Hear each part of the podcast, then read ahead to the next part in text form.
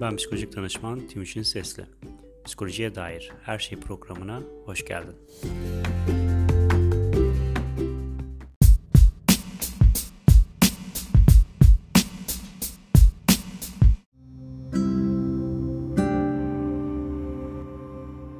Merhaba. Umarım her şey yolundadır. Mikrofondan uzak kaldığım her gün özlüyorum seni. Bugün hepimizin zaman zaman aklından geçen genellikle güçsüz hissettiğimiz o anda aklımıza gelen bir düşünce üzerine konuşacağız. Neden olmak istediğim kişi olamıyorum? Bu soru kimi zaman motivasyon düşüklüğü yaşadığımız zamanda, kimi zaman ilişkilerde, kimi zaman hayal kırıklığı hissettiğimiz anda yani kısacası olmak istediğimiz gibi birisi olamadığımızı gördüğümüz o anda aklımıza geliyor. Olmak istediğimiz kişiyle mevcutta olduğumuz kişi konusu psikoloji biliminde baya baya konuşulan, tartışılan bir konu. İdeal benliğimiz ile gerçek benliğimiz.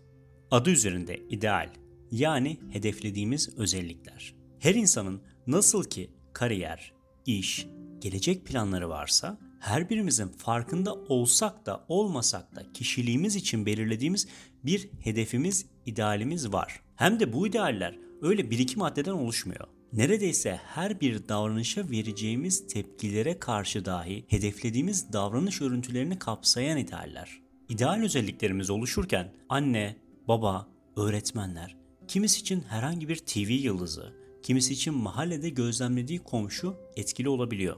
Hatta birçok ideal için kimden esinlendiğimizin farkında bile olamayabiliriz. İdeallerimizin nereden geldiği bir yana dursun. Bu ideallerin bizde yarattığı stres başlı başına incelememiz gereken bir konu.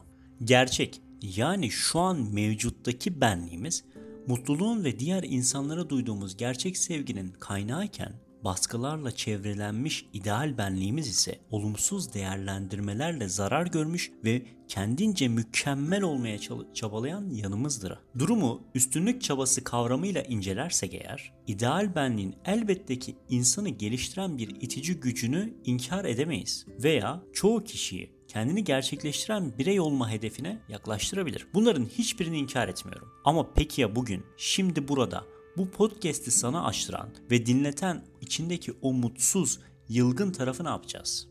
Bugün çevremizde nereye baksak içindeki potansiyeli açığa çıkar.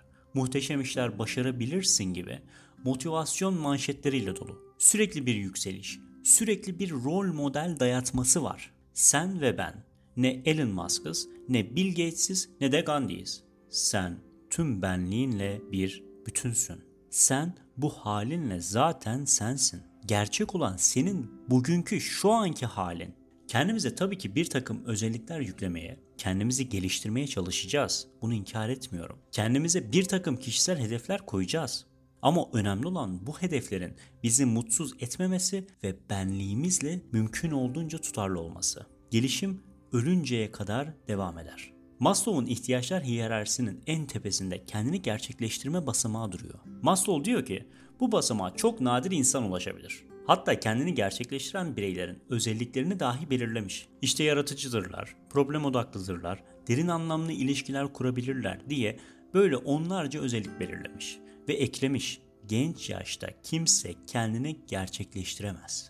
Bu özellikler bugün tartışılıyor ve deniliyor ki Maslow hata yaptı ve ihtiyaçlar hiyerarşisinin son basamağını kendini gerçekleştirmeyi koydu. Bu bir hatadır. Kendini gerçekleştiren kimse yoktur. Çünkü kendini gerçekleştirme bir süreçtir ve ölünceye kadar gelişim devam eder. Gerçekleştirme durmayan bir süreçtir. Gelişim biz istesek de istemesek de devam edebiliyor. Etmeli de ama bizi mutsuz, huzursuz ve özgüvensiz yapmamalı. Araştırmaların büyük çoğunluğu gerçek benlik ile ideal benlik arasındaki farklılığın depresif duygularla ilişkili olduğunu göstermekte. Yani gerçek benlik ile ideal benlik arasındaki uyumsuzluk arttıkça bu bizi daha da depresif yapıyor. Depresif duygu durumu da zaten hedeflere ulaşmak için elimizdeki motivasyonu çürütüyor. Ayrıca benlik farklılığı ne kadar çok ise kişinin yaşayacağı psikolojik rahatsızlığın da o derece yoğun olacağı söyleniyor. Yani gerçek şu anki benliğimizle ideallediğimiz benlik özelliklerinin farklılığı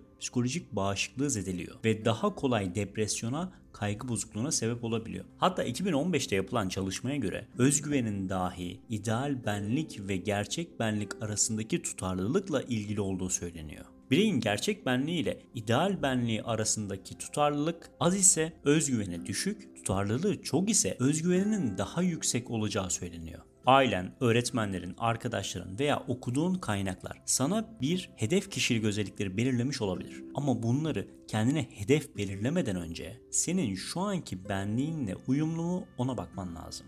Olmak istediğimiz kişi olabilmek için önce mevcut benimizle tanışmalı, sonra onunla barışarak onu önce kendimiz kabul etmeli ve sonra ona uygun gelişimine yönelik hedefler belirlemeliyiz. Burada psikoterapinin kendimizi tanımak için en ideal yollardan birisi olduğunu da söylemek istiyorum. Seninle vedalaşmadan önce kendimde iyi veya kötü gördüğüm tüm özelliklerimle kendimi kabul ediyorum diye benimle birlikte tekrar etmeni istiyorum. Kurduğumuz cümleler zamanla kabule dönebiliyor. Kendimde iyi veya kötü gördüğüm tüm özelliklerimle kendimi kabul ediyorum.